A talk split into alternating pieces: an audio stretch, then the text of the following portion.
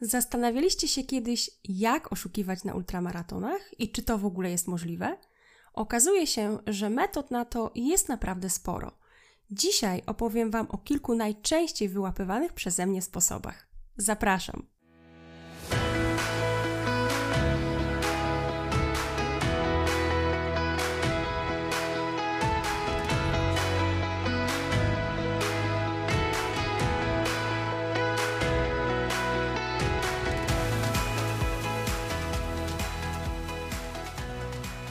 Ostatnich latach ultramaratony zyskały na popularności. Niestety, wraz ze wzrostem liczby osób biorących udział w takich wydarzeniach, pojawiło się więcej przypadków oszustw. Jaki jest tego powód? Na to pytanie nie potrafię racjonalnie odpowiedzieć e, i właściwie jedyna myśl, jaka przychodzi mi do głowy, e, to chęć pochwalenia się swoim wyczynem wśród znajomych, czy też w mediach społecznościowych. Za ukończenie, czy nawet za wygraną takiego ultramaratonu z reguły nie otrzymujemy nagród, więc oszukując, tak naprawdę oszukujemy tylko samych siebie. Pierwszym takim moim chyba ulubionym sposobem e, oszukiwania, który obserwuję, jest jadący za zawodnikiem samochód. Taki wiecie, że to niby on jest, ale tak naprawdę go nie ma. Najczęściej w tym samochodzie e, znajduje się żona, mąż czy też przyjaciele zawodnika i dziwnym trafem zawsze gdzieś tam znajdują się w, w pobliżu jego, pojawiają się na punktach kontrolnych, ale jak coś, no to wcale ich tutaj nie ma. I to jest dosyć ciekawe zjawisko, e, które obserwujemy właściwie na każdej naszej imprezie. Co ciekawe, my kilka lat temu, wiedząc, że takie sytuacje mają miejsce, wprowadziliśmy specjalną kategorię.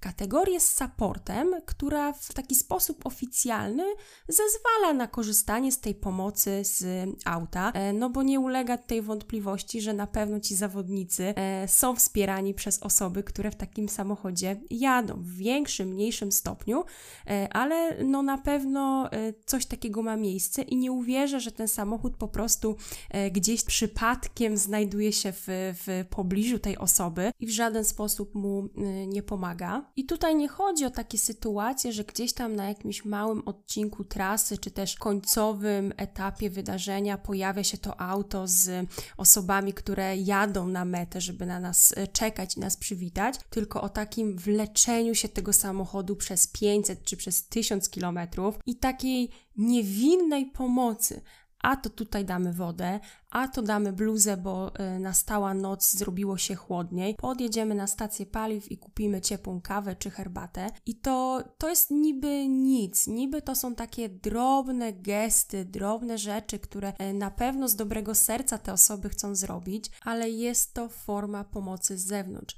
Zawodnicy, którzy nie mają y, możliwości, mm, żeby ich najbliżsi przez całą trasę za nimi jechali, są w tym momencie pokrzywdzeni. Oni wykonują wykonują więcej pracy i wkładają większy wysiłek e, w przejechanie trasy niż te osoby, które gdzieś tam mają e, tuż za sobą mm, dziwny, tajemniczy samochód, e, który jest w stanie zareagować w każdej sytuacji. Na poprzednim Bałtyk Bieszczady miałam taką mm, dość zabawną, jak dla mnie oczywiście, sytuację.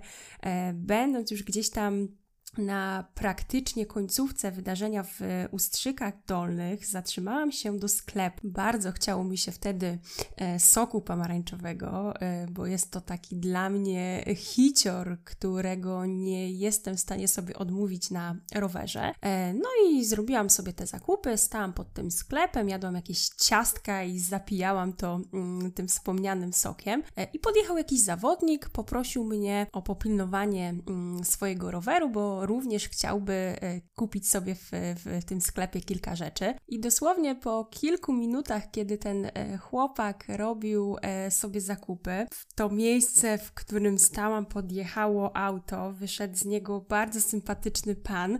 Zaczęliśmy rozmawiać, no i od słowa do słowa okazało się, że ten zawodnik to jest jego syn. I wiecie, ja już tam nie wnikałam, czy e, on jechał za nim całą drogę, czy gdzieś tam spotkali się na tym końcowym etapie. No ale takie sytuacje miały miejsce i y, myślę, że jeszcze nie raz będę świadkiem właśnie takich sytuacji. I trochę tego nie rozumiem. To znaczy, z jednej strony, jakby rozumiem motywację i e, rozumiem, że najbliżsi tego zawodnika mogą mieć jakieś obawy, e, czy też po prostu dla tej osoby mm, jest to pierwszy start w takim wydarzeniu i dużo pewniej e, będzie się czuć, e, mając gdzieś tam to mm, wsparcie swoich bliskich, którzy są w pobliżu niego i mogą w dowolnym momencie zareagować, ale właśnie po to mamy tą kategorię mm, z supportem, więc tego akurat nie jestem w stanie zrozumieć, dlaczego mm, te osoby po prostu nie zdecydują się na start e,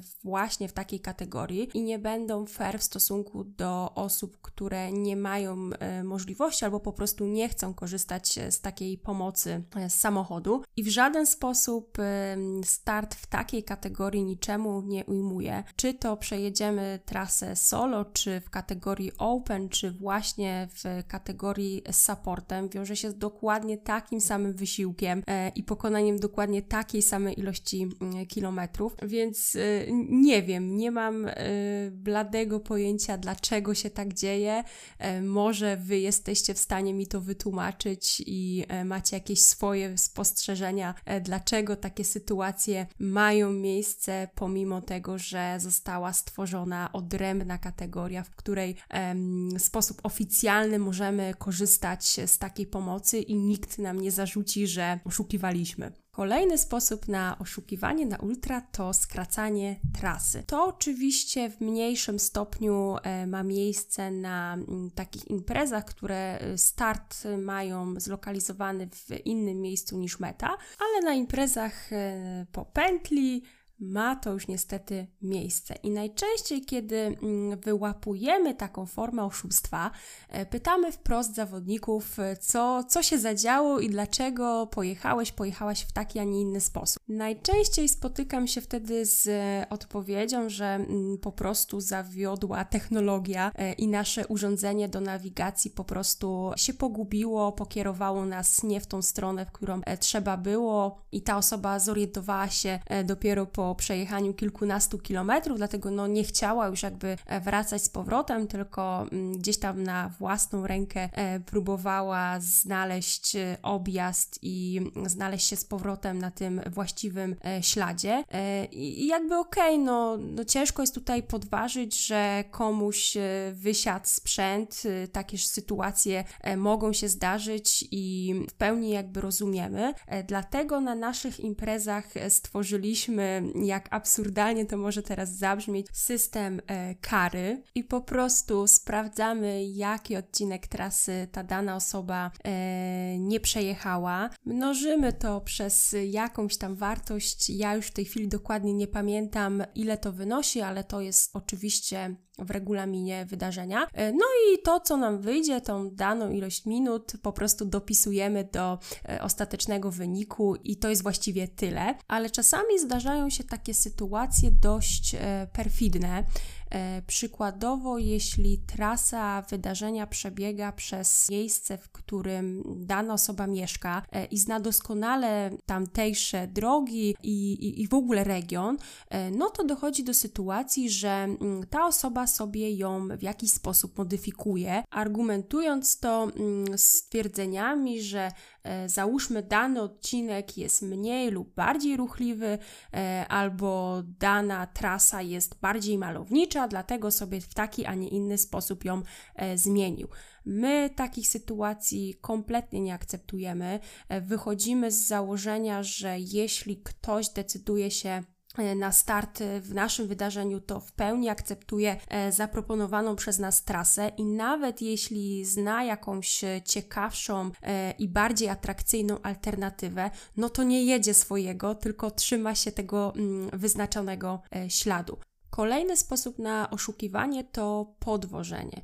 I tutaj już nawet nie chodzi o takie dobitne podwożenie samochodem, że wsiadamy do tego auta, e, pakujemy rower do bagażnika i e, z prędkością 30 km na godzinę e, pokonujemy dalszy, dalszy etap trasy, bo to dla mnie jest totalnie niepojęte i, i w ogóle nie wiem, jak ktoś wpada na taki pomysł, ale no to też się dzieje. Mam tutaj bardziej na myśli holowanie z autem, czy to po prostu, że samochód jedzie przed nami, my sobie z tyłu za nim jedziemy, jesteśmy osłonięci od jakiegoś wiatru, e, jest nam zdecydowanie łatwiej, czy też po prostu trzymamy się za lusterko albo e, otwartą szybę w oknie i tak sobie pokonujemy e, kolejne kilka czy kilkanaście kilometrów naszej trasy. I nie w przypadku startów kategorii support również nie należy tego robić. Zdarzają się też na ultramaratonach takie sytuacje, e, że jedziemy i na trasie spotykamy innych e, kolarzy, niekoniecznie zawodników. E, czasami mogą to być zupełnie przypadkowe osoby, które znalazły się w tamtym miejscu, a czasami są to nasi znajomi, którzy wiedząc, że mm, bierzemy udział w imprezie, chcą zobaczyć nas na trasie i w jakiś sposób nas zmotywować do pokonywania dalszych kilometrów na trasie. I dopóki nie jest to w jakiś sposób e, celowo ustawione, e, no to jest to jak najbardziej e, ok i jest to bardzo miłe. Możemy z takim, z taką osobą, czy też z grupką osób sobie śmiało kawałek przejechać, tylko oczywiście wszystko gdzieś tam w granicach rozsądku. Nie siadamy oczywiście takim osobom na kole, jedziemy raczej koło siebie, no i, i spokojnie te e, parę kilometrów e, możemy z takimi mm, osobami przejechać. Najbardziej absurdalna próba oszustwa. E, mówię tutaj e, celowo próba, ponieważ nie wiem, czy finalnie coś takiego miało miejsce, ale słuchajcie, dostałam kiedyś wiadomość od jednego z zapisanych zawodników na imprezę z pytaniem, czy skoro mieszka w pobliżu mm, punktu kontrolnego, to czy mógłby na ten punkt lub też czy mógłby z punktu podjechać do siebie do domu, żeby wymienić e, swój rower na taki, który lepiej sprawdzi mu się na dalszym, bardziej pofałdowanym odcinku trasy. To jest e, prawdziwa wiadomość, którą e, dostałam. Doceniam, że ta osoba pokusiła się o napisanie do nas wiadomości i mam nadzieję, że nasza odpowiedź ją od tego odwiodła i, i że taka mm, sytuacja nie miała miejsca. Prawdopodobnie ta osoba mm, w ogóle nie zdawała sobie sprawy, że takie sytuacje nie powinny mieć miejsca e, i są one przede wszystkim nie w porządku w stosunku do e, innych uczestników e, imprezy. Mnie tak naprawdę już chyba nic nie zdziwi.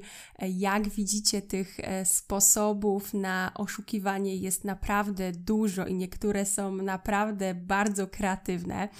Jestem ciekawa, co wy myślicie na ten temat czy kiedykolwiek byliście świadkami e, oszustwa na ultramaratonie i co w takiej sytuacji mm, zrobiliście. Dajcie koniecznie znać, e, a my słyszymy się w kolejną sobotę.